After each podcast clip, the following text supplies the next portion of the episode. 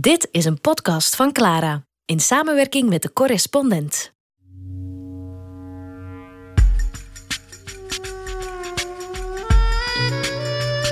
Revolutie met David van Rijbroek.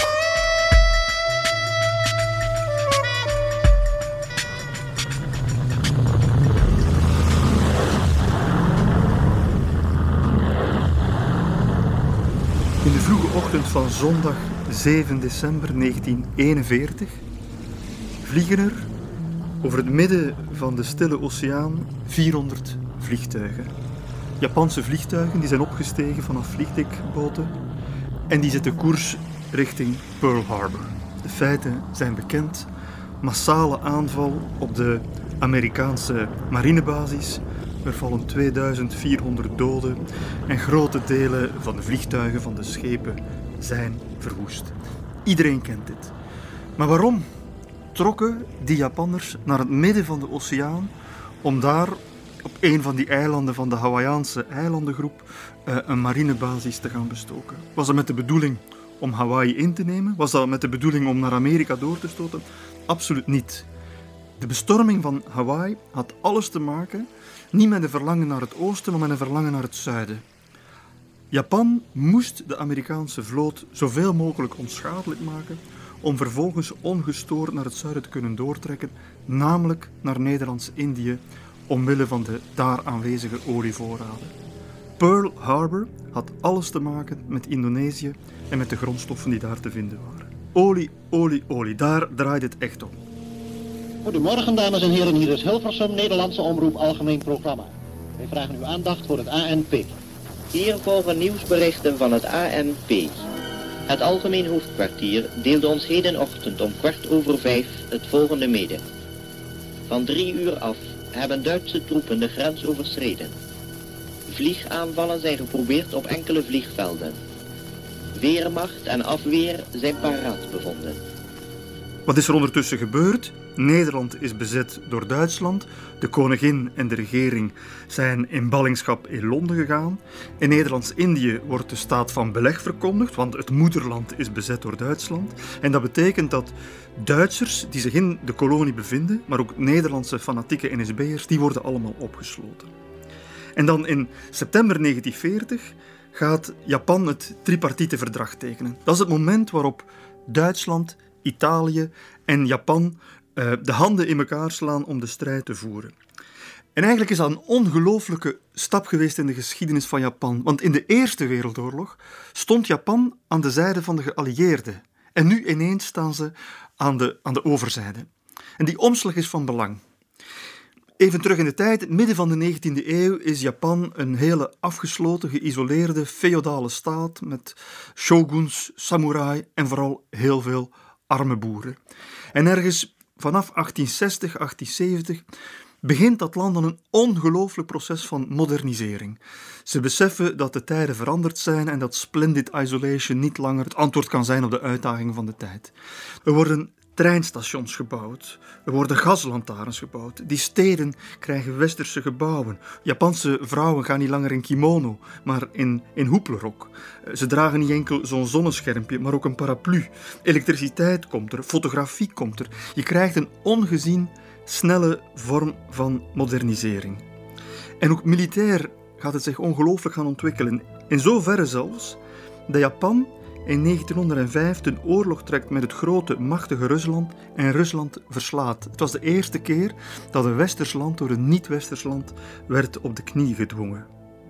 En in de Eerste Wereldoorlog kiest Japan de zijde van de geallieerden en na afloop wordt het ook stichtend lid van de Volkenbond.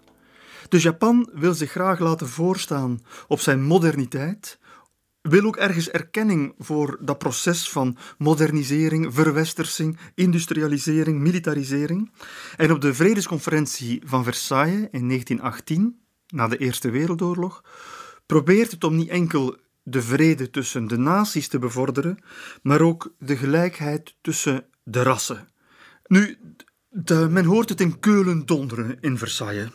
De Australische premier Hughes zegt letterlijk ik loop nog liever de Seine in, of zelfs de Folie Bergère, zonder kleren dan raciale gelijkheid te moeten toestaan.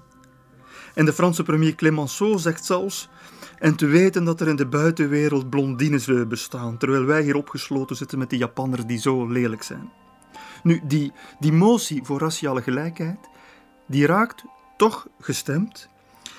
Maar de voorzitter van de conferentie, de Amerikaanse president Wilson, die veegt het meteen van tafel.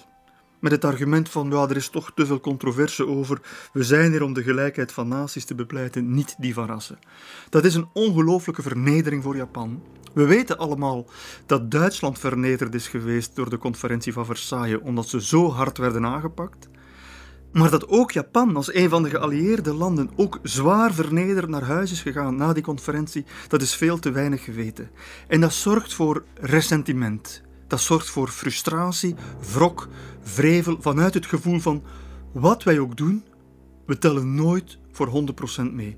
Altijd opnieuw worden we beschouwd als achterlijk, Aziatisch, niet-Westers. Het is nooit goed genoeg. En daarin wordt de kiem gelegd voor de militarisering, radicalisering, autocratisering van de Japanse samenleving. En in de jaren 30 zie je hoe daar een autoritair, militair, fascistisch bestuur hoe langer hoe meer opgang maakt bij een generatie jonge Japanners. En je ziet die nieuwe militarisering, die moet zich ook laten blijken. In 1931 gaat Japan China binnenvallen en Manchurije innemen, verandert van naam naar Manchukuo. En in 1937 opnieuw invasie in, uh, in China, waarbij je de slachting van Nanking krijgt. Ongelooflijke slachtpartij, waarbij mogelijk een kwart miljoen doden vallen en tussen 20 en 80.000 vrouwen worden verkracht.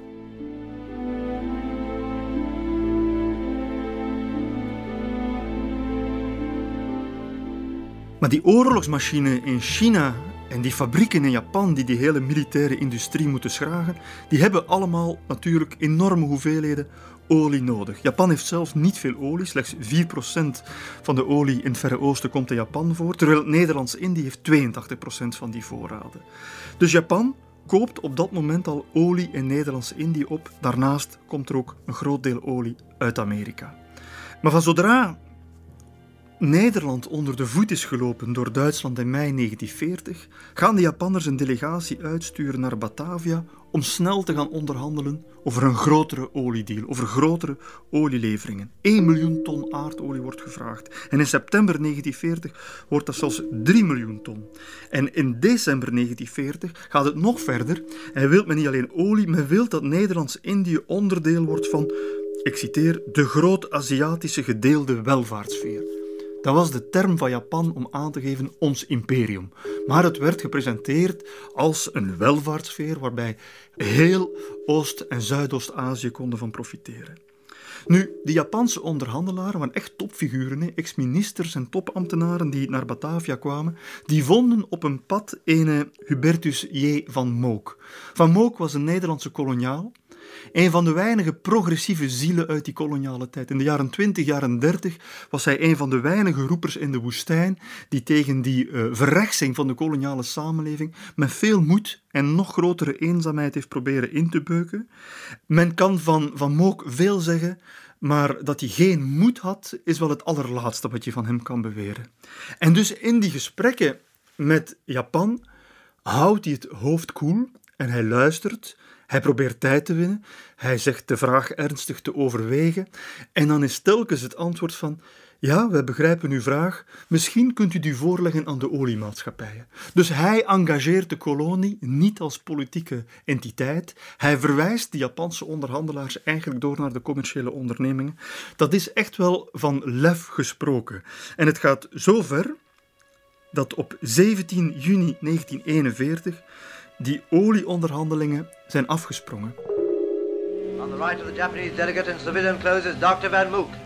As Minister for Economic Affairs, he refused Japan the oil she needed. Sabotage has seen that Japan will still be denied Dutch oil. En wat gebeurt er dan? Op de voorpagina van Time magazine staat voor het eerst een Nederlandse burger afgebeeld en dat is Hubertus van Mook.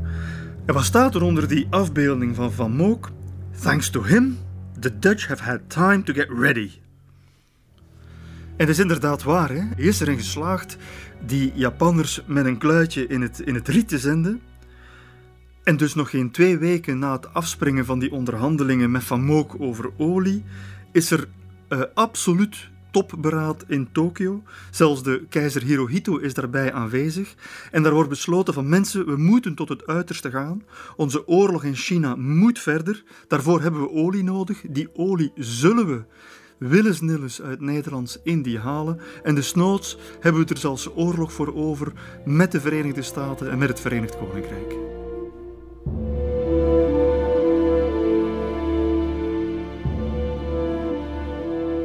Nu, Nederland beseft ook dat het afspringen van die olieonderhandelingen de stap naar een oorlog met Japan echt dichterbij heeft gebracht. Van Mook dacht zelfs dat het al meteen zover ging zijn. En vanuit Londen gaat de koningin, Wilhelmina, ook een toespraak geven waarbij ze met die mogelijkheid rekening houdt. Van de Nederlandse regering waren nooit agressieve maatregelen te vrezen. Maar zij is en blijft vastbesloten ten strijde te gaan indien ons gebied gewapende hand zou worden bedreigd. En het is buiten allen twijfel dat wij als in verband met de aardrijkskundige ligging van Nederlands-Indië de omstandigheden daartoe zouden nopen in bondgenootschappelijk verband den opgedrongen strijd zullen aanvaarden.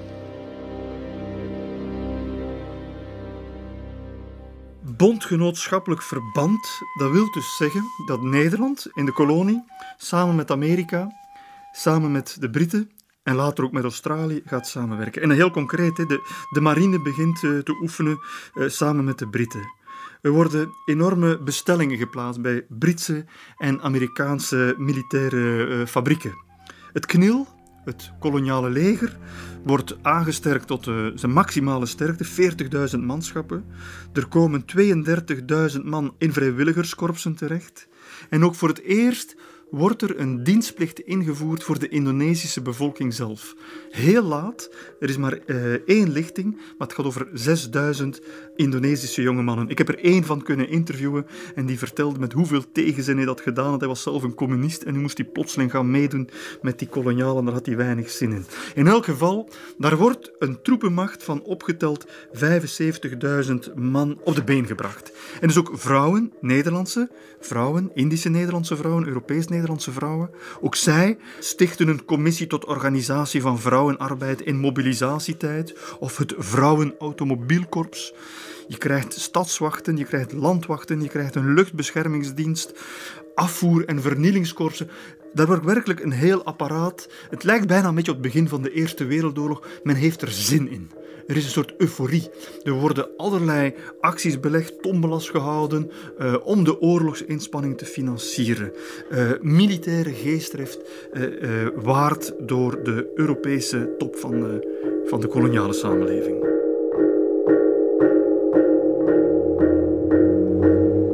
Revolutie met David van Rijbroek. Aan de Indonesische zijde wordt daar verdeeld naar gekeken. Ja, mensen die uh, families hebben die dienen in het kniel, die zijn enthousiast. Veel van die soldaten kwamen over de Molukken en die zeiden: als Nederland bedreigd is, springen we in de bres, want we hebben ons slot verbonden aan, aan Nederland. Maar natuurlijk, uh, communisten en nationalisten onder die Indonesische samenleving, die hebben weinig goesting om nu plotseling hun eigen lijf te gaan riskeren in een oorlog aan de zijde van degene die ze al decennia bestrijden. Die geestdrift is daar. Wat er niet is, of wat er althans niet komt, zijn die bestellingen. Er worden 70 tanks besteld in Engeland, er worden er 20 geleverd. 600 tanks besteld in de Verenigde Staten, er worden er maar 7 geleverd. Bovendien zonder kanon. 400 lichte panzerwagens, 25 worden er geleverd. 100.000 geweren uit de VS, bestelling geannuleerd. Duikbommenwerpers, B-25's, bestellingen geannuleerd. De Amerikaanse industrie heeft het nodig voor zijn eigen inspanningen. Er waren 20 Lockheed transportvliegtuigen voor parachutisten. Die worden wel geleverd, maar zonder parachutes. Dus die geestdrift is daar, het materiaal is er niet. Eh, wat er ook niet is, is ervaring. Vergeleken met dat Japanse leger dat onwaarschijnlijk gedrild is, ervaring heeft in, in China enzovoort, dat ook een ongelooflijke motivatie heeft, eh, dat is er allemaal niet aanwezig. En dan gebeurt er iets belangrijks. Op 26 juli 1941 trekken de Japanse soldaten naar het zuiden van Indochina. Indochina was een Franse kolonie, maar Frankrijk was op dat moment met Pétain uh, aan de zijde van Duitsland, althans dat deel van Frankrijk. En die Japanse soldaten die zaten al in het noorden van Indochina om van daaruit China te bestoken, maar nu trekken ze zuidwaarts. En dat kon eigenlijk maar één iets betekenen: Japan maakt zich klaar voor een invasie van de Indonesische eilanden. En Amerika, Engeland en Nederland reageren furieus op die move. Men beseft wat dit betekent. En er komt een handelsembargo.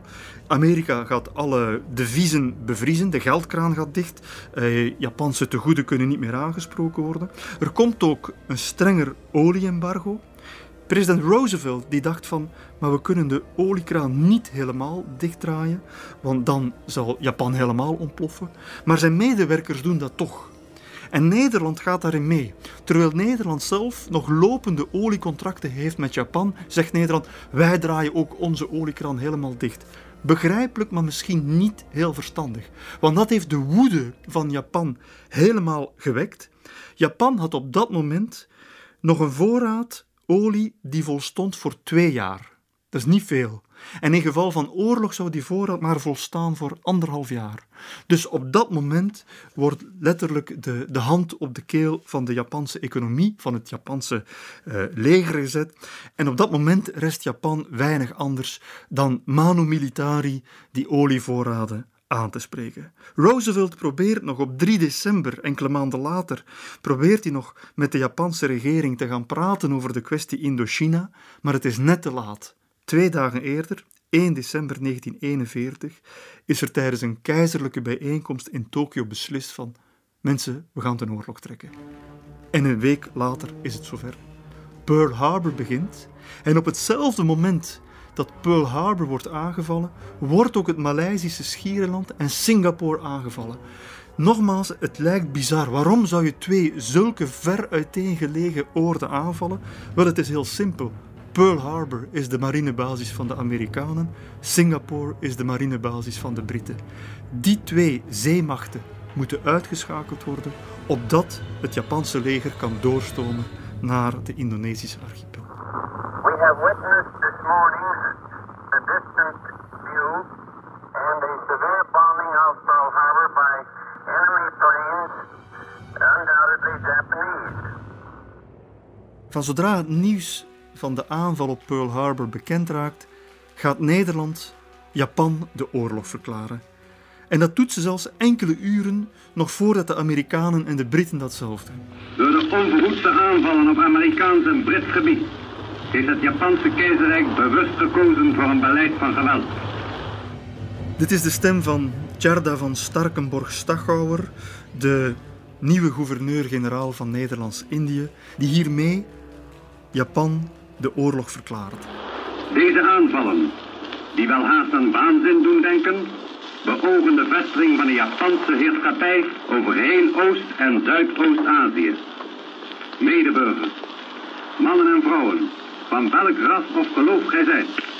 Ik roep u tot vervulling van een harde, maar verheven plicht jegens koningin en koninkrijk, de Indische gemeenschap en uzelf. De plicht van een onderdaan oorlogstijd.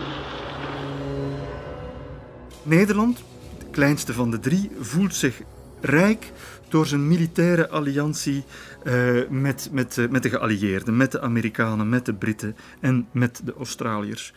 En de Nederlandse diplomaat die in Tokio die oorlogsverklaring formeel moet gaan overhandigen, die stuit op wat ongetwijfeld een unicum moet zijn in de diplomatieke geschiedenis.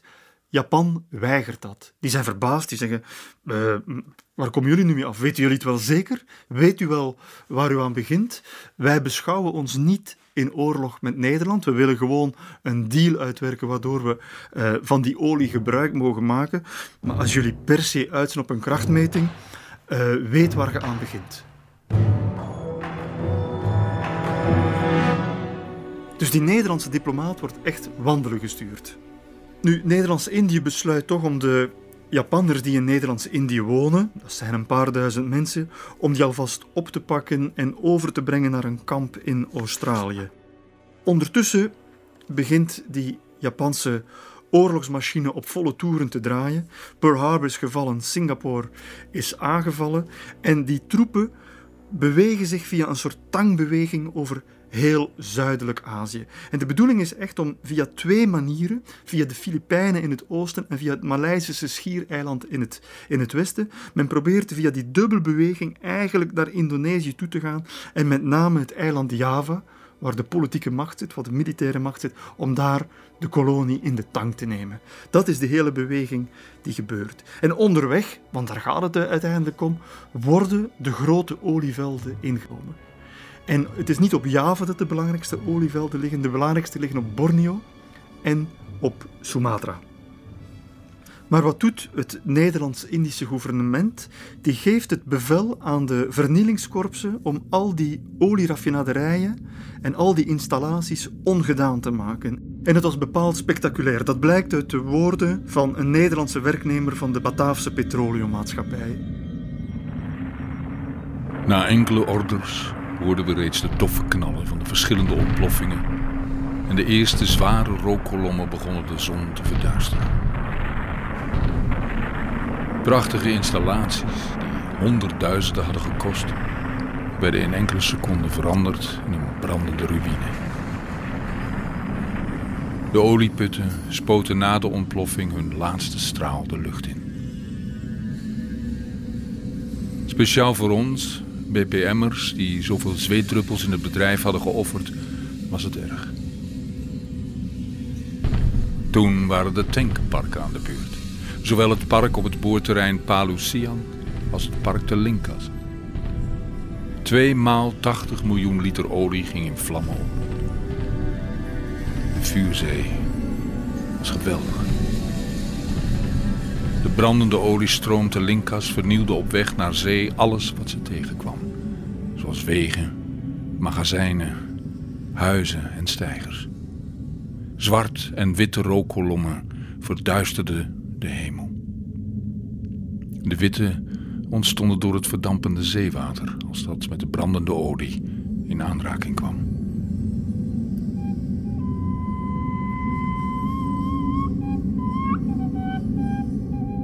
apocalyptische taferelen in de tropen. En Japan is razend. Het is hen om die olie te doen. En uh, die bronnen, die oliebronnen worden allemaal in de fik gestoken. Dat gebeurt op Borneo. En Japan dreigt, als u dit doet bij de rijkste installaties van Balikpapan, die lagen een stuk zuidelijker op Borneo, dan gaan we alle Europeanen in de wijde omtrek ombrengen. dat is ook gebeurd. Uh, men heeft daar mensen gearresteerd, tientallen uh, Europeanen naar het strand gebracht met het samurai-zwaard onthoofd. Dat was dan de eervolle dood blijkbaar. En de anderen werden neergeknald terwijl ze in zee moesten lopen. De plaatselijke bevolking, belangrijk voor de propaganda, moest toekijken. Maar Batavia gaat verder met de geplande vernielingen. En alleen op één plek, in een zeer belangrijke raffinaderij, die van Plaju, op Zuid-Sumatra is men bijna te laat. En die van Plagio was van belang omdat daar een, een kerosine werd vervaardigd die nodig was voor de moderne gevechtsvliegtuigen. Dus die moest Japan absoluut zien te hebben.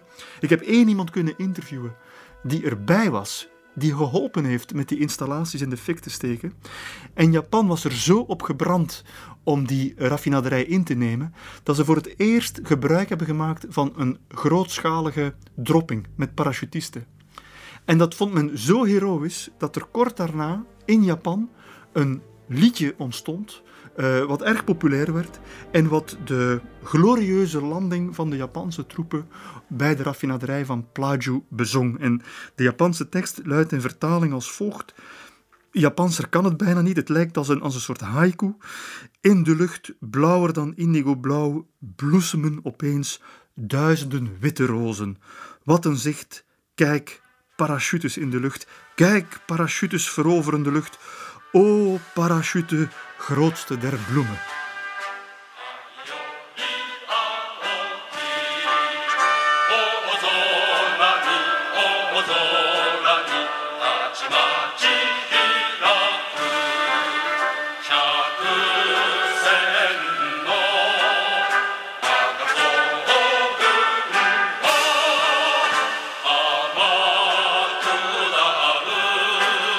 Revolutie.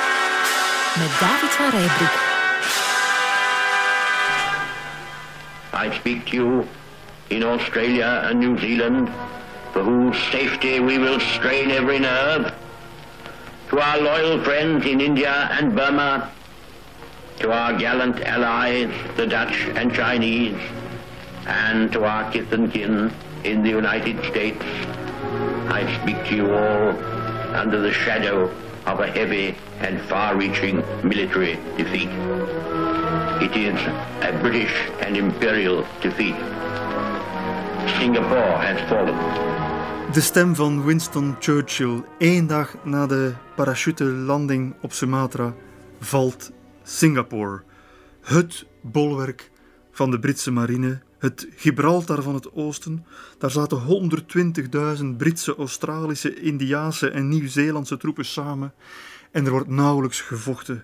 En ondanks het feit dat er in de zeeën voorafgaand de geallieerden hebben samen geopereerd, Nederlandse onderzeeërs hebben een aantal Japanse boten kunnen eh, torpederen. Het heeft niet mogen baten.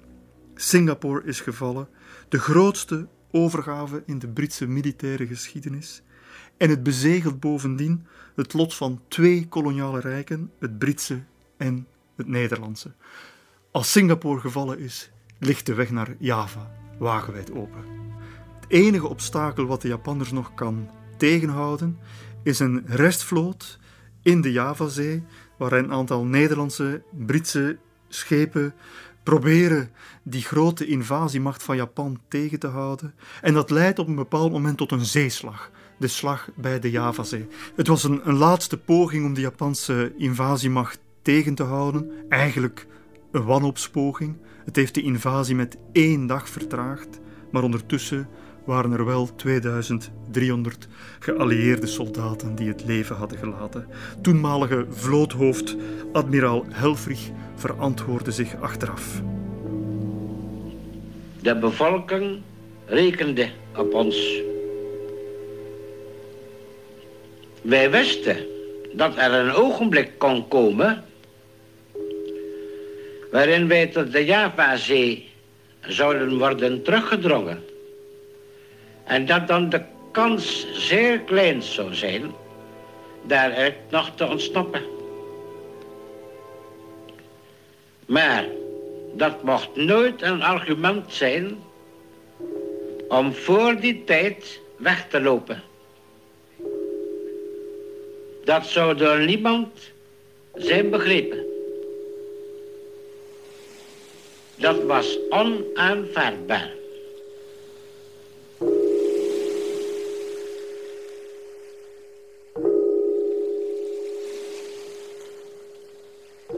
En vervolgens gaat die Japanse tang zich sluiten. De eilanden van de Indonesische archipel zijn één voor één ingenomen. Het laatste wat nu nog vrij is, is Java. En in het oosten, het noorden en het westen wordt dat eiland letterlijk in de tang genomen. En tijdens mijn research in Japan heb ik zowaar nog een man kunnen spreken die in een van de eerste amfibievoertuigen zat dat aan land is gegaan hij was maar een paar uur ter plaatse geweest omdat hij kort daarna een letsel aan zijn oog had opgelopen, maar zijn getuigenis was toch zeer indrukwekkend. Ons schip had een laadklep. Daar moest ik van afrijden om het strand op te gaan. Ik bestuurde de eerste van onze tien tanks. Ik was niet bang, nee. Wij wisten dat we heel sterk waren. We waren niet onder de indruk van de Nederlanders. We wisten waar ze zaten. Wij moesten hem pakken. Dat was ons bevel. Mochten zij ons pakken, moesten we zelfmoord plegen. Gevangen genomen worden was extreem beschamend. Omdat ik enkel een smal spleetje had om door te kijken, zette ik het klepje open, zodat ik beter kon zien. Het plan was om naar Bandung op te trekken. Onderweg zouden wij een brug bewaken. Na een uur rijden hadden we al 35 à 40 kilometer afgelegd. De volgende tank reed een eind achter ons. Ineens zag ik zo'n 50 of 100 meter voor ons een Nederlandse truck. Onze schutter mikte. Een grote explosie. Hij had de truck opgeblazen. Alle soldaten waren dood. Zeven of acht soldaten, denk ik. Nederlandse soldaten. Meteen daarna Een enorme lichtflits, gevolgd door volledige duisternis. Ik probeerde de tank te besturen, maar het ging niet meer. De rupsketting was gebroken. Naast die druk moet een landmijn gelegen hebben. Ik voelde iets warms op mijn voorhoofd, maar het deed geen pijn. Ik raakte mijn gezicht aan en ik voelde overal bloed. Door het raampje was metaal naar binnen gevlogen. Met een zwachtel verbond ik mijn hoofd. Ik werd weggebracht en kreeg vreselijke pijn. Ze brachten mij terug naar een hospitaalboot. Na twee dagen voeren ze me naar een ziekenhuis in Thailand voor verzorging. Tien dagen lang was ik volledig blind. Ik bleef er een maand. Het hospitaalschip dat me gebracht had, werd kort daarna tot zinken gebracht. Mijn linkeroog is vals. In het rechter zitten nog steeds metaalstukjes. Daardoor kan ik geen MRI-scan krijgen. Meneer Natsui, hij was vooral onder de indruk van het verbazende gemak waarmee dat eiland Java kon worden ingenomen. Er werd tijdens die strijd wel wat weerwerk geboden. Er waren een aantal belangrijke strijdtonelen. Uh, en een auteur zoals Johan Fabricius, die gaat vanuit Londen, uh, die strijd toch als tamelijk heroïs ervaren. Er wordt daar in ver Sulinde thans een heldenstrijd uitgevochten die zijn loon in zichzelf zal dragen. Als wij straks, vroeg of laat, maar onherroepelijk, weer de thans verloren gebieden van Indië binnentrekken, zullen wij een bevolking aantreffen die niet slechts blij en dankbaar is van het Japanse juk verlost te zijn, maar die ook een dieper respect voor ons heeft gekregen, na gezien te hebben hoe wij voor Indië bereid waren te strijden, zo nodig ook te sterven. Er zal een band gesmeed zijn als nimmer tevoren. Indien wij tegenover Indië, dat ons zoveel gegeven heeft, een ereschuld hebben in te lossen, dit is onze kans. En wij hebben die met beide handen aangegrepen volgens de beste tradities van ons kleine, grote volk.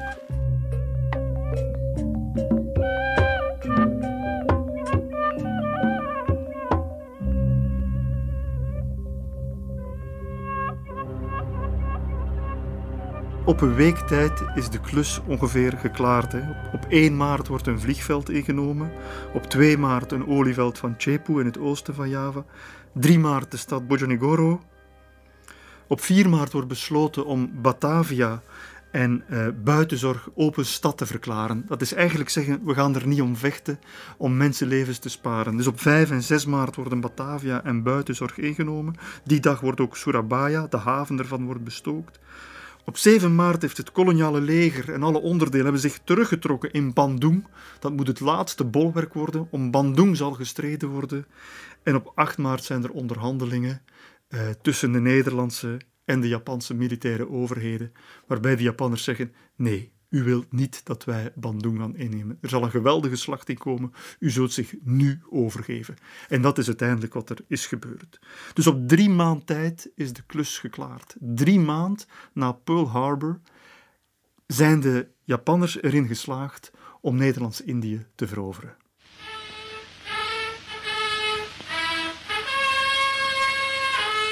Hoe komt het dat het Japanse leger zo snel kan vorderen? Het leger is beter getraind, beter bewapend. De soldaten zijn veel fanatieker, ze zijn ongelooflijk gedrild in een militaire spirit. Ze zijn ook vreder. Er worden echt vreedheden begaan. Onthoofdingen, uh, krijgsgevangenen worden gemitrailleerd, gebajonetteerd. Maar misschien het belangrijkste argument, en dat wordt vaak vergeten, is dat ze door de Indonesische bevolking zelf op heel veel plekken met open armen worden ontvangen. Ik heb een Japanse veteraan kunnen, kunnen interviewen die vertelde van ja, wij zaten daar in ons militair voertuig en de vrouwen brachten ons manden met ananassen en papaya's. Uh, wij werden daar werkelijk bejubeld. Het was een soort vorm van bevrijding. En die man had die oorlog in China meegemaakt. Hij zei, China, dat was oorlog. Indonesië, dat leek een beetje op een militair manoeuvre, een oefening. In Jakarta, baru-baru ini telah diadakan pertunjukan dari pelukis-pelukis bangsa Indonesia. Dengan tuntunan ahli-ahli bangsa Nippon. Seni rupa Indonesia kembali ke aliran ketimuran. Dus precies drie maanden na Pearl Harbor heeft Japan zijn militaire doelstelling bereikt. Het heeft niet alleen Nederlands-Indië veroverd, het heeft gaandeweg maar liefst vijf westerse koloniale mogendheden in de regio uitgeschakeld. Groot-Brittannië, de VS, Frankrijk, Portugal, wat nog een klein gebiedje had, en Nederland. En de volgende gebieden zijn voortaan onder Japanse bezetting. Naast het oosten van China, dat hadden ze al, komen de Filipijnen erbij, Indochina, Thailand, Malacca, Birma en Nederlands-Indië. Heel Zuidoost-Azië kleurt op dit ogenblik Japans. De olievelden zijn binnen. Ja, die zijn afgebrand, maar men begint razendsnel met de wederopbouw van die raffinaderijen. En de verwachting is dat ze nog voor het eind van het jaar 1,75 miljoen ton olie naar Japan zullen kunnen exporteren. Missie volkomen geslaagd.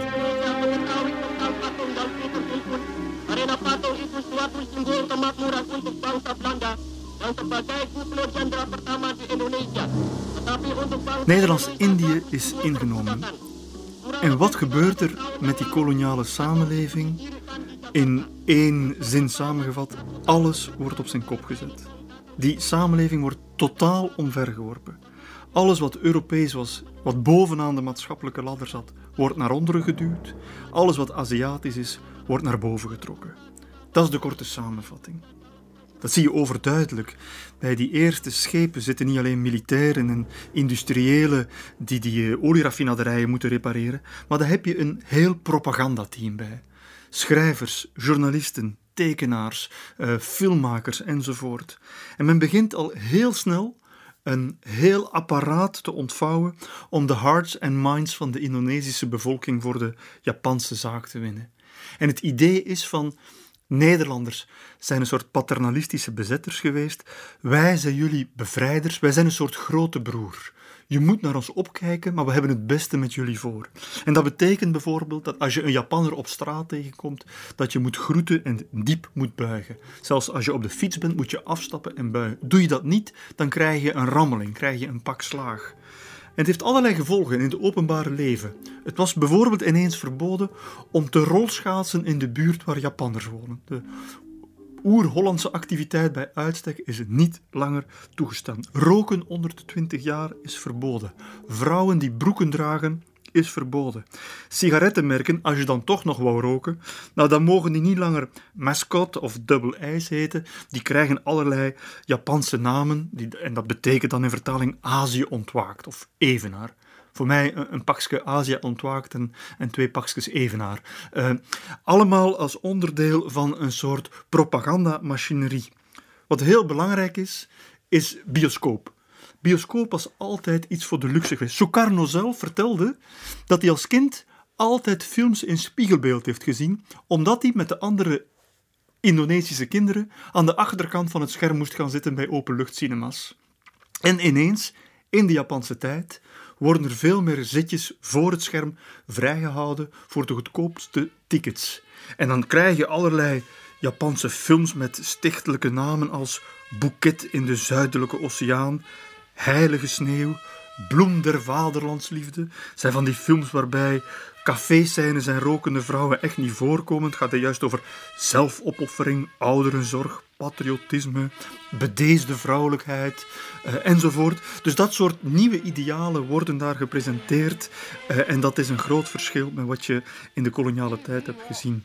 Namen veranderen ook. Pleinen krijgen andere namen. Na verloop van tijd gaat de stad Batavia uh, zijn oude naam terugkrijgen. Jakarta. Jayakarta was de oude naam. Batavia moet verdwijnen. De Nederlandse taal wordt weggedrukt. Zelfs de jaartelling verandert. 1942 wordt 2602 in de Japanse keizerlijke kalender. En wat je ook ziet overal in het straatbeeld zijn luidsprekers. Overal worden palen opgericht met daaraan luidsprekers. Privébezit van radio's is heel beperkt, maar via die luidsprekers wordt er de hele dag door Japanse propaganda verspreid. En een van de dingen die je te horen krijgt is Japanse gymnastiek, uiteraard, en het Kimigayo, het Japanse volkslied.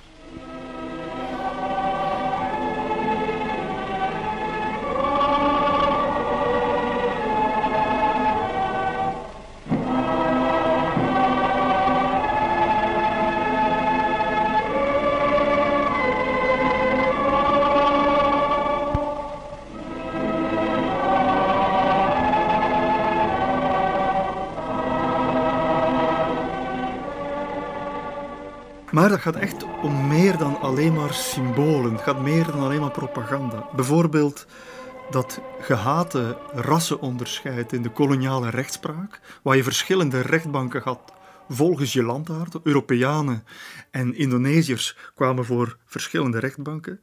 Japan schaft dat af. En je krijgt een opwaardering van het Indonesisch als taal. En misschien het belangrijkste instrument, er wordt ongelooflijk geïnvesteerd in onderwijs. En Francisca Patipilohi, een Indonesische vrouw die als een van de zeer weinigen in een Europese lagere school had gezeten, belandde plotseling in een totaal ander schooltype.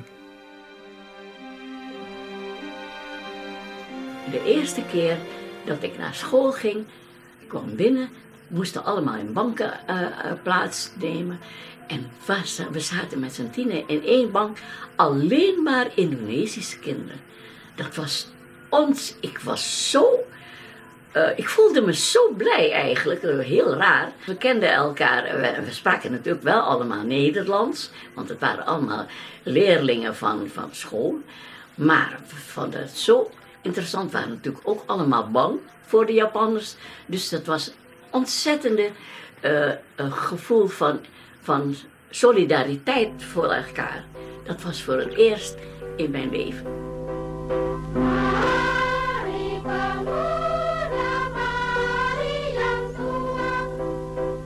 Alleen maar Indonesische kinderen. Dat was opvallend.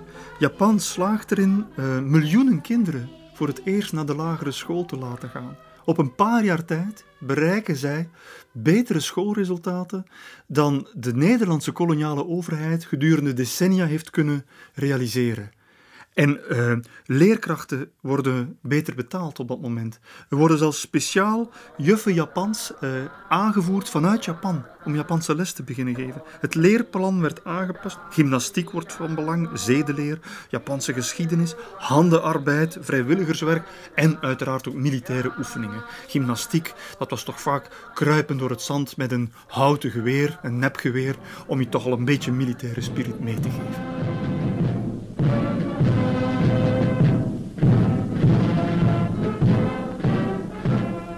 Dus voor veel Indonesische kinderen is het begin van de Japanse bezetting een tijd van nieuwe mogelijkheden. Terwijl voor de Europese bevolking is het natuurlijk het einde van een tijdperk. En dat zie je zeker bij de krijgsgevangenen die zij gemaakt. Japan heeft ongeveer 110.000 krijgsgevangenen gearresteerd.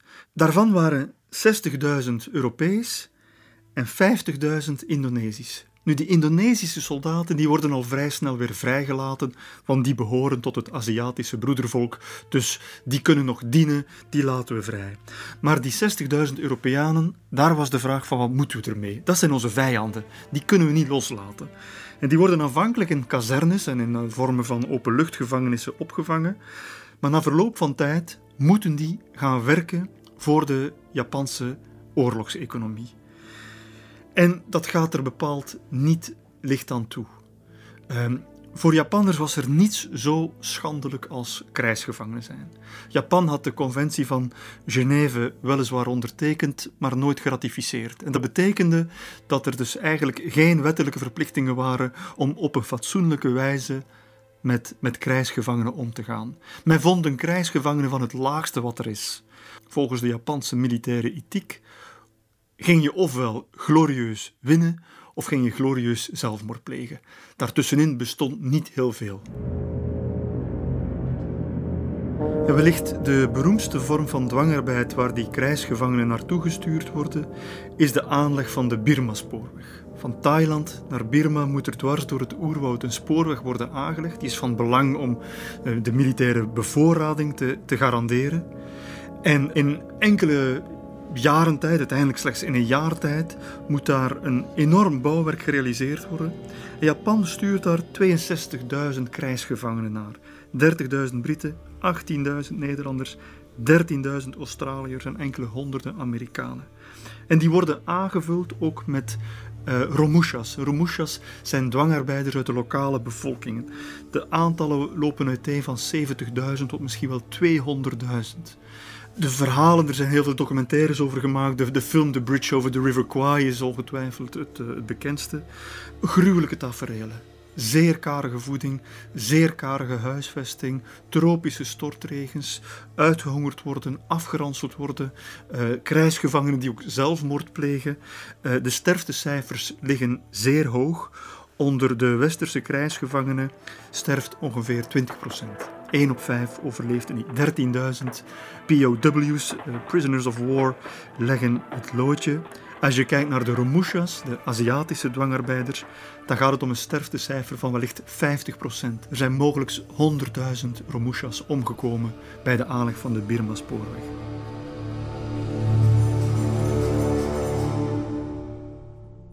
Maar dat is lang niet het enige project. Er moeten nog andere spoorwegen worden aangelegd.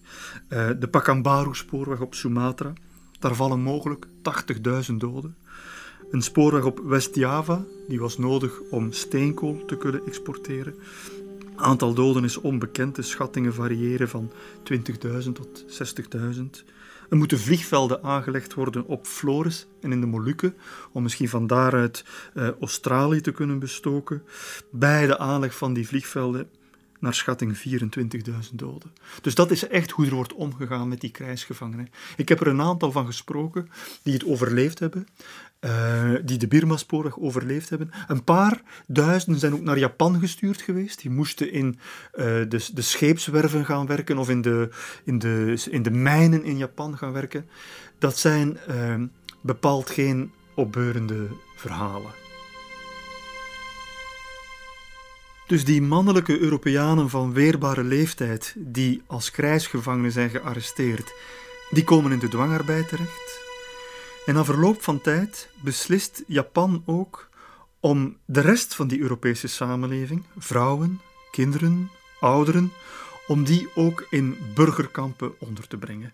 En dat begint eerst mondjesmaat. De toenmalige generaal Imamura, het was de man die in Java het voor het zeggen had, die zag zichzelf als een soort samurai en wou dat nog met redelijke zachte hand doen. En het was voor hun eigen goedwil dat ze ondergebracht werden in een soort kampen waar ze nog in en uit konden lopen en er konden nog boodschappen gedaan worden enzovoort. Maar na verloop van tijd werden dat echte gesloten kampen waarbij uh, weglopen met de dood werd bestraft. En uh, ook daar zijn de cijfers indrukwekkend. Hè. De, als je kijkt naar die Europese samenleving, gaat over ongeveer 300.000 mensen op dat moment, uh, 200.000 Indische Nederlanders, die blijven hoofdzakelijk buiten de kampen, hadden het ook niet gemakkelijk. En dan 100.000 mensen, de Europese Nederlanders, die vliegen in die kampen. En aanvankelijk had het over honderden kleine kampen op buurten in een stad enzovoort. Maar na verloop van tijd en de loop van de oorlog worden die kampen her hergroepeerd tot steeds grotere kampen met duizenden, soms zelfs meer dan tienduizenden bewoners in absoluut erbarmelijke omstandigheden. En heel soms kwamen er ook Indische Nederlanders in terecht.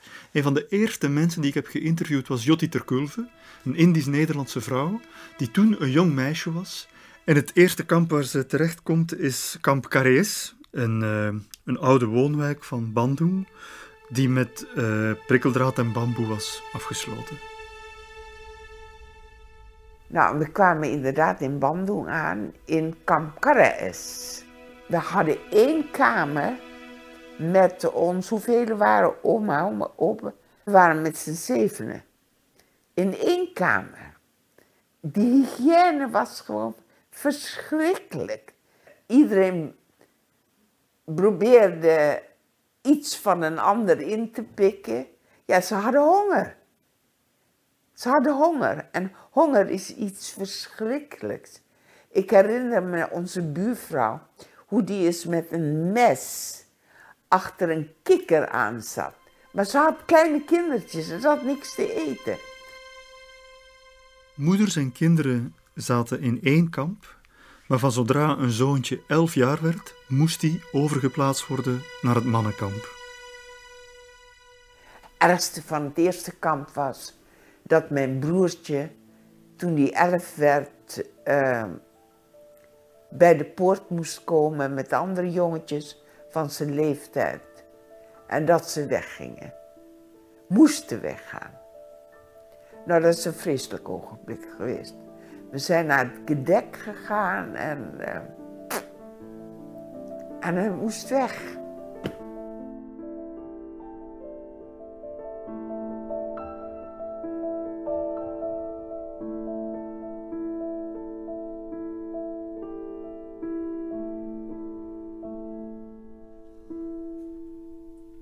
Jotti Terkulve kon aan dwangprostitutie ontsnappen door in het kamp te gaan maar dat lot was niet iedereen beschoren. Het verhaal is gekend, het Japanse leger maakte gebruik van dwangprostitutie. Men had tijdens vorige campagnes gezien dat er op grote schaal verkracht werd en men vond dat men de gestresseerde Japanse soldaat ontspanning moest kunnen bieden, niet in de vorm van uh, sport, verlof of bioscopen, maar in de vorm van legerbordelen, waar een soldaat één keer per maand langs mocht gaan. De schatting is dat er in Nederlands-Indië 22.000 vrouwen hebben moeten dienen als zogenaamd troostmeisje. Dat cijfer omvat de talrijke minnaressen die samen met Japanse officieren optrokken, maar dat gaat ook over verkrachte vrouwen of over die vele duizenden vrouwen die hebben moeten dienen in de legerbordelen. Er waren echte bordelen die, die door het leger zelf werden op poten gezet. Daarnaast was er een systeem van militaire vergunningen voor hoteluitbaters en restauranthouders die als nevenactiviteit seksuele diensten konden aanbieden in achterafkamertjes. De schatting is ook dat er twee à 300 vrouwen van Europese afkomst in de militaire prostitutie zijn terechtgekomen. Die moesten vooral de officieren op hun wenken bedienen. Uh, Indonesische meisjes waren soms maar 12, 13, 14 jaar oud toen ze voor Japanse soldaten moesten werken. Over die ervaringen wordt er natuurlijk niet graag getuigd. Een van de getuigenissen van zo'n zogenaamd troostmeisje was Janne. En toen zaten we daar en kwamen al die militairen binnen. En wat er toen gebeurd is, die hele nacht door. De een na de ander. Maar vooral de eerste keer. Dat beeld heeft mijn hele leven in mijn gedachten gemarteld.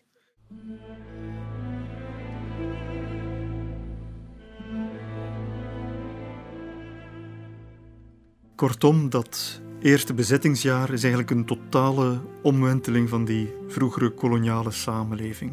Nederlandse mannen verdwijnen in krijgsgevangenschap, Nederlandse vrouwen en kinderen in burgerinterneringskampen, tal van vrouwen komen in aanraking met dwangprostitutie. Het is een tijd van ongeziene vreedheid, het is ook een tijd van, van nieuwe mogelijkheden. Echt een nieuwe samenleving die daar wordt opgestart. Indonesische kinderen die leren school kennen, bioscoop, gymnastiek, eh, vormen van militaire drill. En op het einde van dat eerste bezettingsjaar gebeurt er iets heel bijzonders. Het is 5 december 1942 en op de radio weer klinkt voor het eerst de stem van Sukarno. Nu, Sukarno die was door Nederland jarenlang in ballingschap geweest. De drie grote nationalistische leiders, Sukarno, Hatta en Shahrir, hadden jarenlang op verafgelegen eilanden gezeten, opdat ze de geesten van het volkrijke Java niet zouden kunnen vergiftigen met hun retoriek. En plotseling komt Japan daar langs en die bevrijdt die nationalistische leiders. En Sukarno en Hatta kiezen ervoor om samen met de Japanse bezetter te werken. Shahrir daarentegen is overtuigd socialist, weigert om met het fascisme samen te werken. Uh, hij gaat zelfs ondergronds tijdens die Japanse bezettingsjaren. Sukarno daarentegen die gaat volkomen bovengronds. Die komt zelfs in de ether terecht. Het is 5 december 1942 en er moet gevierd worden dat het bijna een jaar geleden is dat Pearl Harbor gevallen is. En Sukarno laat zich helemaal uh, inschrijven in die Japanse propaganda. Uh, zijn stem weer klinkt door die luidsprekers overal op Java. Japan laat zelfs voor de gelegenheid met vrachtwagens duizenden en duizenden uh, jonge Indonesische jongeren in bloot bovenlijf bijeenkomen op het centrale plein van Jakarta, waar ze naar die speech mogen luisteren. Die zijn helemaal begeesterd. En het moet gezegd, uh, Sukarno, het is voor het eerst dat hij op de radio praat. Tijdens de koloniale tijd heeft hij nooit zo'n groot publiek kunnen bereiken. Ja, via openluchtrallies dat wel. Maar hij kan het nog steeds, hij is het niet verleerd. Zijn stem ratelt als vanouds. Hij, hij articuleert het woord Indonesia met een soort dramatische uh, intonatie. En, en die, die, die jonge gasten op die tribunes die worden uh, uit, uitzinnig. En, maar dus je ziet dat Sukarno... Uh, ze helemaal voor de kar laat spannen van Japan. Hij zegt letterlijk als enkel een Japanse overwinning kan ons redden, kan heel Azië redden. De oorlog gaat nog verder. Het is niet omdat Indonesië inmiddels Japans is geworden dat die oorlog is stilgevallen. De Amerikanen krabbelen overeind en proberen nog steeds in de Pacific Japan te bestrijden. En Sukarno zegt, Japan moet die oorlog winnen.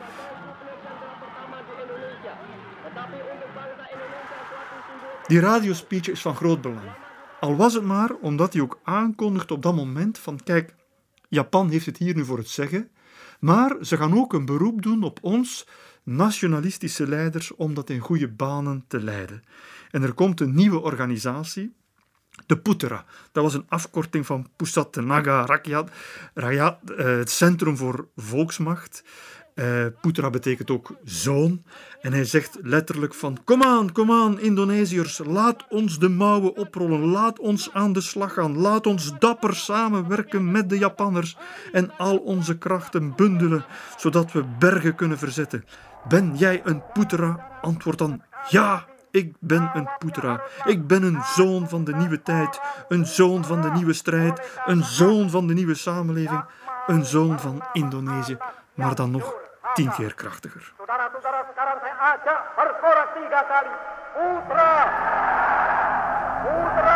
Op dat moment, ook ter herinnering van die eerste verjaardag van Pearl Harbor, gaat er vanuit Londen ook een radiorede worden uitgezonden.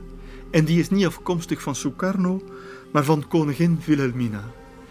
En zij heeft begrepen, en het is vooral Van Mook, de man die die olieonderhandelingen met Japan zo moedig geleid heeft, die haar inspireert om een stap voorwaarts te zetten en de Indonesische bevolking vooruitzicht te bieden op het begin van ontvoogding.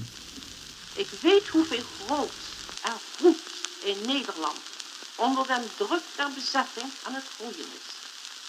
Ik weet dat zoiets ook in Indië het geval is, waar de saamhorigheid door het ondervonden leed wordt versterkt. Dit kan slechts worden uitgewerkt in vrij overleg, waarbij de beide gebiedsdelen van elkanders denkbeelden zullen willen kennisnemen. Bovendien heeft de bevolking van Nederland en van Nederlands-Indië door haar lijden en haar verzet haar recht bevestigd om mede te beslissen over de vorm die zal worden gegeven aan die verantwoordelijkheid van het gehele volk tegenover de wereld en van de verschillende bevolkingsgroepen tegenover elkander en tegenover zichzelf. Door daarop nu vooruit te lopen, zou dat recht worden miskend en het door bittere ervaring verworven inzicht van mijn volk worden terzijde geschoven. Dus wat je eigenlijk ziet, is dat twee figuren een beroep doen op die Indonesische jeugd, op die Indonesische bevolking. Sukarno met al zijn enthousiasme die zich aan Japanse zijde schaart, en Wilhelmina die vanuit Londen probeert de Indonesische bevolking voor het eerst in haar 7 decemberrede zicht te bieden op het begin van emancipatie, het begin van soevereiniteit. De reden waarom Japan die plaatselijke bevolking zoveel mogelijk in, in zijn kamp wil krijgen, is veranderd. In 1942 gaat het vooral over nieuwe propaganda, enthousiasme voor Japan alleen enzovoort. In 1943 zitten we in een nieuwe context. De strijd in de Pacific gaat verder en Amerika boekt voor het eerst een belangrijke overwinning. En Japan begint te vrezen dat die opmars wel eens lelijk zou kunnen uitpakken. Dus het is van belang om de Indonesische bevolking ook militair aan de zijde van Japan te krijgen. 1942 eerste bezettingsjaar, dat draait nog enkel om de politisering van de massa. 1943 draait ook om de militarisering van die massa. En Sukarno voert gewillig campagne mee. Bij allerhande meetings zweept hij de massa op met geheven vuist en dan roept hij een soort rijmpje wat hij ongelooflijk vaak herhaald heeft. Amerika ketastrika, Ingris kitalingis. Amerika slaan we plat, Engeland hakken we in de pan. En de massa scandeert dat mee. Amerika kita setrika, Inggris kita linggis. Amerika kita setrika, Inggris kita linggis. Amerika kita setrika, Inggris kita linggis. En 1943 is echt het jaar van, van de militarisering.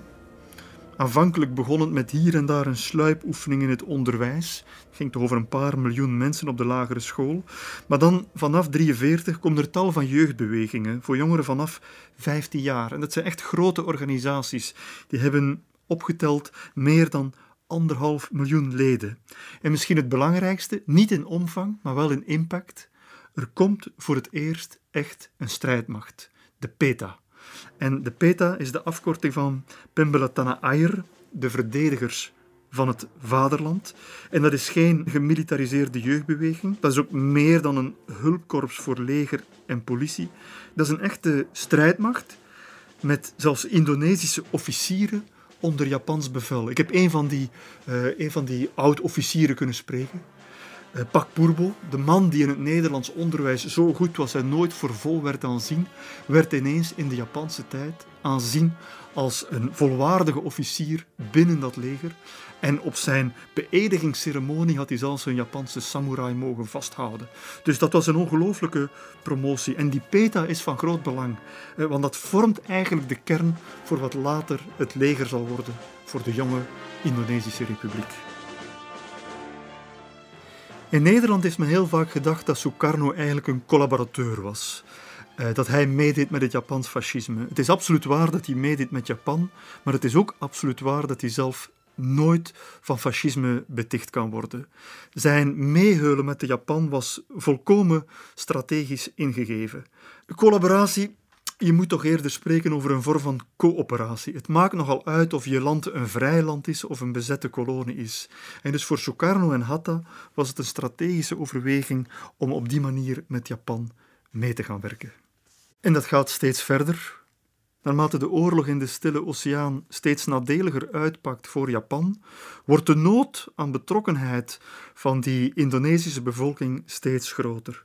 1942, het jaar van de politisering, 1943, het jaar van de militarisering en 1944 wordt dan het jaar van de totale mobilisering.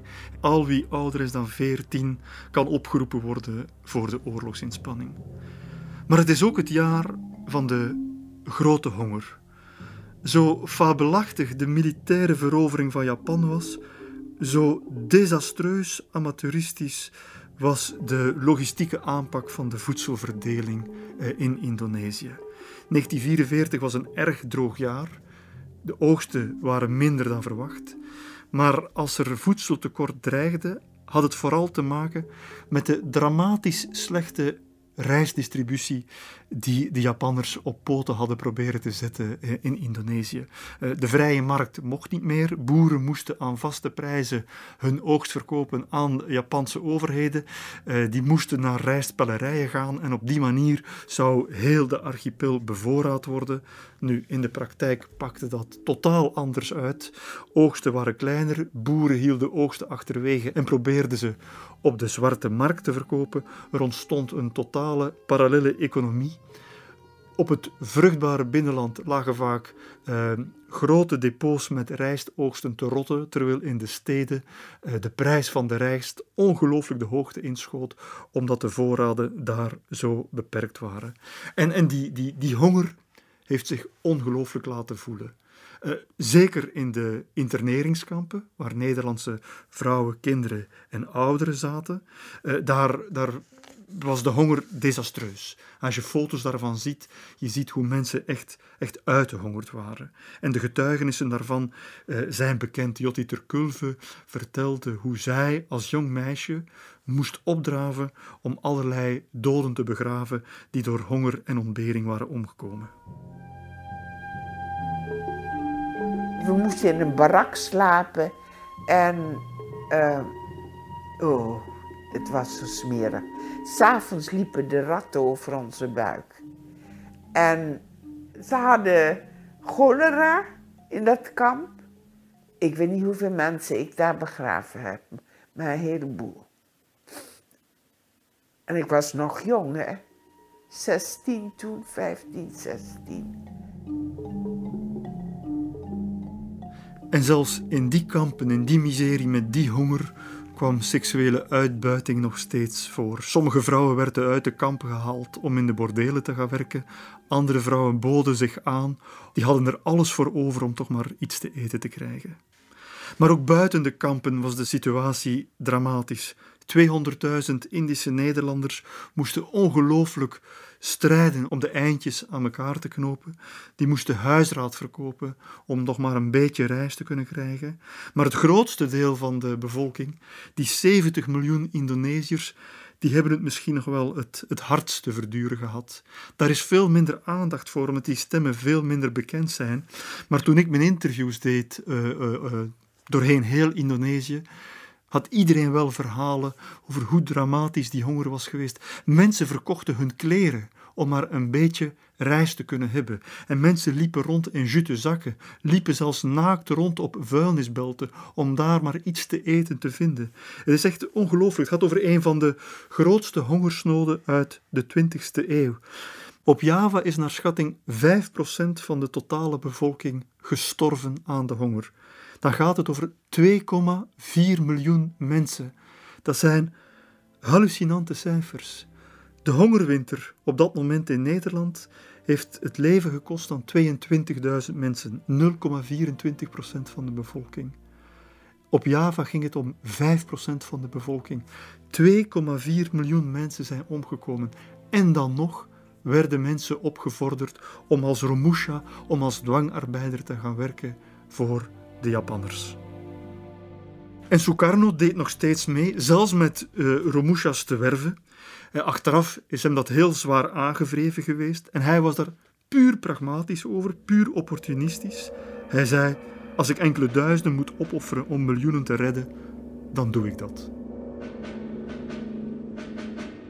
En dus, gezien die omstandigheden, is het normaal dat het enthousiasme waarmee de Indonesische bevolking bij de invasie die Japanse troepen heeft begroet, ja, daar schiet niet veel meer van over. Dat enthousiasme kalft, kalft af. Uh, eh, 44 is het jaar waarbij je links en rechts opstanden ziet. Uh, die zijn nooit grootschalig, die zijn nooit erg succesvol, maar het is toch veel betekenend dat er onder, onder een vreed bewind als de Japanse bezetting, dat de frustraties toch zo groot zijn dat er uh, kleinere voltes de kop opsteken. Bijvoorbeeld op West-Java, in het islamitische Tasikmalaya is er protest tegen alle rijstvorderingen, tegen het Romusha-systeem, tegen die schofterige omgang met vrouwen, tegen het weinige respect voor de Koran. En daar zie je een, een kleine revolt. Die wordt meteen neergeslagen, worden een paar Japanners gedood, maar er worden tientallen anderen uh, vermoord als represaille. Japan reageert met harde hand. Je ziet het ook op een eiland helemaal in het oosten van, het, van de archipel, het eiland Babar. Daar ontstaat een conflict over het opkopen van een partij tabak voor de Japanse marine, een vervelende handelaar die al maanden op de zenuwen werkt van de plaatselijke bevolking. En op een bepaald moment is het te veel. Er wordt andermaal gesteggeld over de prijs en de bevolking is het beu. Uh, ze, ze vatten hem bij de kraag, ze hakken zelfs zijn tenen en vingers af, snijden zijn tong uit, steken een speer in zijn anus en hangen hem ondersteboven aan een boom. Japan, Japanse marine, reageert furieus. Dat eiland telde 700 inwoners. Na afloop uh, zijn daar 500 inwoners uh, vermoord geworden. Ik heb één van de overledenen daarvan kunnen spreken. Was nog een jongetje toen, was nog een kind. En die vertelde, nou ja, het hele eiland werd uitgeroeid en van jonge vrouwen werden de borsten afgesneden en de baby's werden in zee gegooid. Mijn hele familie is toen uitgemoord. Belangrijker misschien was zelfs een opstand bij de PETA, het eigen leger, waar de Indonesiërs zij aan zij aan het oefenen waren met de Japanse militairen. Ook daar zag je een opstand in Oost-Java. In het plekje Blitar komen 400 PETA-militairen in opstand. Dat duurt niet lang, maar er is wel een vorm van muiterij, een beetje vergelijkbaar met de muiterij op de zeven provinciën. En dat doet de Japanners toch vrezen van, hier zijn we echt uh, onze meest loyale onderdanen aan het verliezen. Ik heb ooit een geweldig verslag gelezen van een vrouw, Sinta Melati. Geweldige vrouw. En dat toont aan dat er ook een georganiseerd verzet is geweest. Het is nauwelijks bekend, omdat er nauwelijks geschriften bekend zijn. Maar die vrouw vertelt hoe ze heel Java doorreist met in haar mand uh, clandestine documenten die ze smokkelt. Soms zelfs wapens die ze moet smokkelen uh, via, de, via het spoor uh, over de weg. Ze komt zelfs op plekken waar het verzet aan valsmunterij doet. Dat wijst er toch op dat dat verzet vrij goed georganiseerd is. En het meest verrassende van al, op een bepaald moment komt ze in een winkeltje, een soort apotheek in uh, Jakarta aan. Ze spreekt het codewoord uit. Ze is inderdaad in goede handen bij, bij een oudere dame die ook in het verzet zit. En die zegt: Ja, we krijgen hier af en toe een, een handlanger van Sukarno over de vloer. En uh, dan krijgen wij geld voor onze verzetsactiviteiten. En dus Sinta Melata, die jonge verzetsvrouw, komt tot het besef: Wacht eens. Sukarno zit hier voortdurend op de radio propaganda voor de Japanners te voeren, maar eigenlijk is hij onderhuids ook nog steeds bezig het anti-Japanse verzet te stimuleren. Dus dat is een enorme spreidstand voor Sukarno, maar het geeft aan dat zijn ultieme bedoeling nog steeds is de bevrijding van Indonesië, niet alleen van Nederland, maar ook van Japan. Dat binnenlands verzet is reëel, maar de impact daarvan blijft altijd gering. De echte dreiging voor Japan komt toch van buitenaf. En dat is vooral de snelheid waarmee de geallieerden en dan vooral de Amerikanen in de Stille Oceaan aan het, aan het oprukken zijn.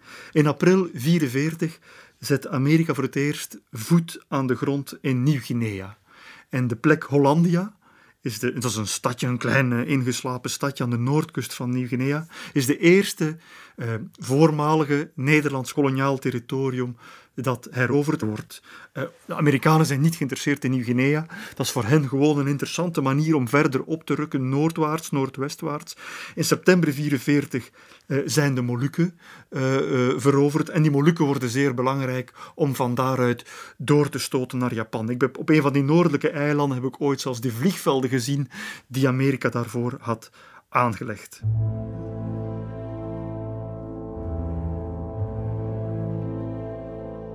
In diezelfde maand gaat de Japanse premier Koizo een belangrijk besluit nemen.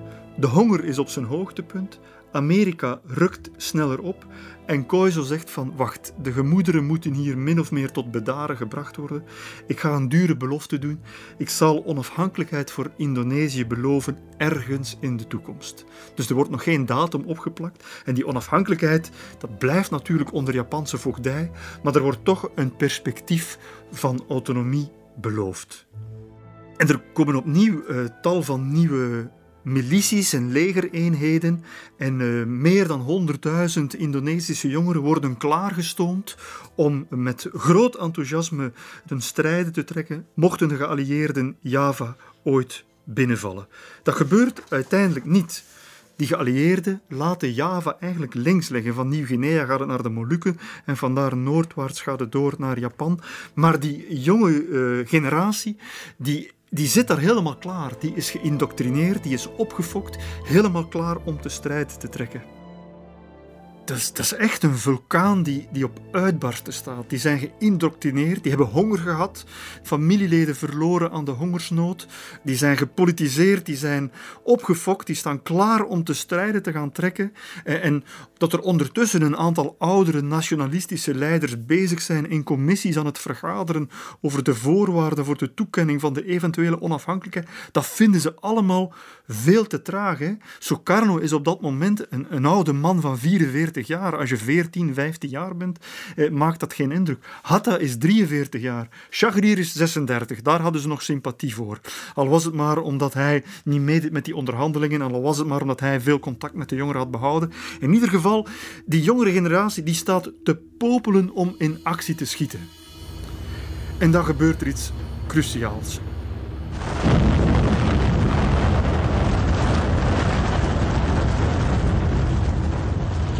A short time ago, an American airplane dropped one bomb on Hiroshima and destroyed its usefulness to the enemy. That bomb has more power than 20,000 tons of TNT. Uiteraard op 6 en 9 augustus 1945 vallen de atoombommen op Hiroshima en Nagasaki. Enkele dagen later, op 14 augustus, eh, gaan werkelijk de vergaderingen starten om de Indonesische onafhankelijkheid toe te kennen. Maar wat gebeurt er een dag later? Er komt een speech op de Japanse radio. Heel Japan laat de kin op de borst zakken en ze horen een stem die ze nooit eerder hebben gehoord. De stem van de Japanse keizer Hirohito, die voor het eerst in de imperiale geschiedenis de bevolking toespreekt middels een radioboodschap.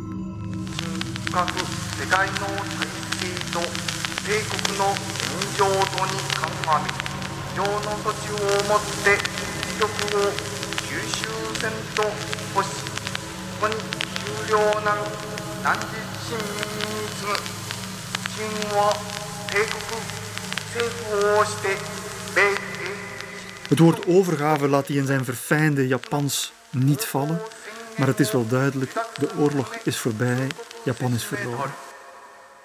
En in Indonesië wordt daar met enorme verbazing op gereageerd. Shahrir en de jongeren vinden dat de onafhankelijkheid meteen moet worden uitgeroepen. Nu is het moment, dat zijn we ook niet bevlekt door de schandvlek van het fascisme. We moeten nu als Indonesië onze eigen onafhankelijkheid claimen. Maar Sukarno en Hatta, die er zo dichtbij staan, die aarzelen. En die weten niet goed wat ze daarmee moeten doen. En dan gebeurt er iets wonderlijks. Die jongeren, een delegatie van die fanatieke jongeren, die trekken naar het huis van Sukarno om hem te dwingen die onafhankelijkheid te proclameren. En voor Sukarno is dat waanzin. Hij weet maar al te goed wat er is gebeurd in 1926 met die zogenaamde communistische revolutie die slecht was voorbereid en waar de massa nog niet klaar voor was. Hij zei van, we kunnen daar niet aan beginnen. En het, maar er wordt hevig gediscussieerd. Op een bepaald moment wordt er zelfs een mes getrokken. En Sukarno die, die laat zich niet doen. Daar staan een aantal uh, adolescenten, uh, pubers, uh, kolkend van woede en vrijheidsdrang. En die, en, die, en die zegt van, durf, durf niet te dreigen, durf mij niet te bevelen. Jullie zullen doen wat ik wil. Ik ga me nooit door jullie laten dwingen. En hij, hij bood letterlijk zijn keel aan en zegt: Hier, hier is mijn hals. Hak maar, vooruit, hak mijn kop er maar vanaf. En hij is, die bravoure heeft hij, omdat hij weet van: eh, ik kan zonder de jongeren, maar de jongeren kunnen niet zonder mij. Ik ben hun leider. En ze zijn op het punt om een stommiteit te begaan. Uh, en de dag nadien, maar dus die stad Jakarta uh, staat echt op ontploffen. Er lopen uh, duizenden jongeren rond met steekwapens om nu eens en vooral de onafhankelijkheid te, te, gaan realiseren. En de dag nadien, 16 augustus, om 4 uur s ochtends, worden Sukarno en Hatta opgehaald, opnieuw door een aantal van die jongeren, onder het mom van uh, het wordt hier veel te gevaarlijk voor jullie vandaag. We hebben onze eigen, uh, onze eigen achterban niet meer in de, in de hand. We gaan jullie in veiligheid brengen. En die worden een dag lang eigenlijk ontvoerd. Die worden weggebracht uit, uit Jakarta om ergens uh, in, een, in een villa buiten de stad ondergebracht te worden. Een villa waar voor het eerst een rood-witte Indonesische vlag wappert. Niet langer het witte veld met de rode bol op van de Japanse vlag. Maar tegen het eind van de dag, niemand weet wat er moet gebeuren. In Jakarta ontploft het niet. In die villa komt er ook geen schot in de zaak. En een Japanse admiraal, Maeda, de verbindingsofficier tussen leger en marine, dat is een man met veel sympathie voor de Indonesische beweging en de Indonesische onafhankelijkheidsstrijd. Die geeft de garantie aan Sukarno en Hatta dat ze veilig terug naar Jakarta kunnen keren. Dus op die avond van 16 augustus keren die terug naar Jakarta. Die zitten in het huis van Maeda en de vraag wordt gesteld van wat gaan we nu doen? Volgens de overgave van Japan is het verboden om nog snel even de Indonesische onafhankelijkheid te gaan regelen op de valreep. Dat kan natuurlijk niet. Japan moest gewoon de status quo bewaken. En die commissie ter voorbereiding van de onafhankelijkheid waar Sukarno, die kon het natuurlijk ook niet meer doen, want die commissie was door Japan geïnstalleerd. Dus de vraag was, wat, wat moet er hier gebeuren? Nu, toen kwam er in de loop van die nacht een ongelooflijk merkwaardig compromis uit de bus. De Japanse officieren die daar zaten, samen met admiraal Maeda aan tafel, zeiden van, kijk, wij kunnen jullie de onafhankelijkheid niet gunnen, maar jullie kunnen natuurlijk wel de onafhankelijkheid proclameren zonder ons medeweten. En dan zullen wij daar akte van nemen en we zullen uh, niet tussen beiden komen. En in de loop van die nacht gaat uh, de, de vrouw van, uh, van Sukarno, Fatmawati, zijn, Zijn eh, toenmalige vrouw gaat van twee lappen stof, een rode en een witte, de eerste nationale vlag stikken. En zo gebeurt het dus. Het is vrijdag 17 augustus 1945. Het is tien uur s ochtends. Het is geen grote massabijeenkomst geworden. Sukarno had daarvan gedroomd, maar omwille van de veiligheid blijft het bij een relatief bescheiden bijeenkomst voor de deur van zijn huis in Jakarta. Op de weinige foto's die ervan bestaan, tel je een twintigtal mensen. Uh, men heeft in allerijl een bamboestaak opgericht en als vlaggenmast ingericht. De vlag gaat omhoog. Sukarno en Hatta staan naast elkaar in een wit uniform. Ze zijn enigszins vermoeid van de korte nacht waarin ze hebben onderhandelen en zitten sleutelen aan die korte tekst die het grote verschil moet maken. Het is een korte tekst. De kleine groep aanwezigen zingt Indonesia Raya, het Indonesische volkslied. En Sukarno spreekt de woorden uit, de woorden waarmee het derde grootste land ter wereld op een bescheiden bijeenkomst op een vrijdagochtend in augustus ontstaat. Hij leest: Wij, het volk van Indonesië, verklaren hierbij de Indonesische onafhankelijkheid. Zaken met betrekking tot de overdracht van de macht, etc., etc., zullen op een ordelijke wijze en in de kortst mogelijke tijd worden uitgevoerd. Getekend Sukarno Hatta namens het Indonesische volk. Proklamasi Kami, bangsa Indonesia, dengan ini menyatakan kemerdekaan Indonesia. Hal-hal yang mengenai pemindahan kekuasaan dan lain-lain diselenggarakan dengan cara saksama dan dalam tempo yang sesingkat-singkatnya. Jakarta, 17 Agustus 1945 atas nama bangsa Indonesia Soekarno Hatta. En terwijl hij deze woorden spreekt, weet Nederland nog van niks.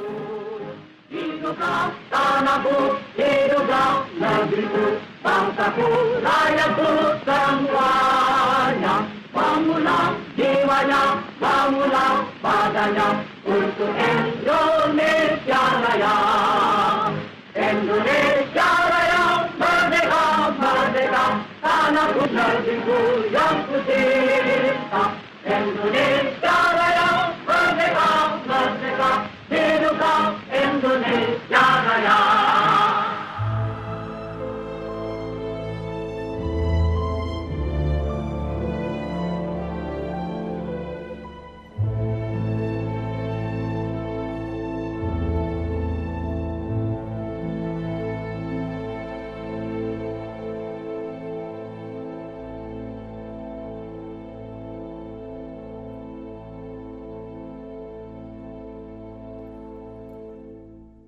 Dit was een podcast van Clara in samenwerking met de correspondent.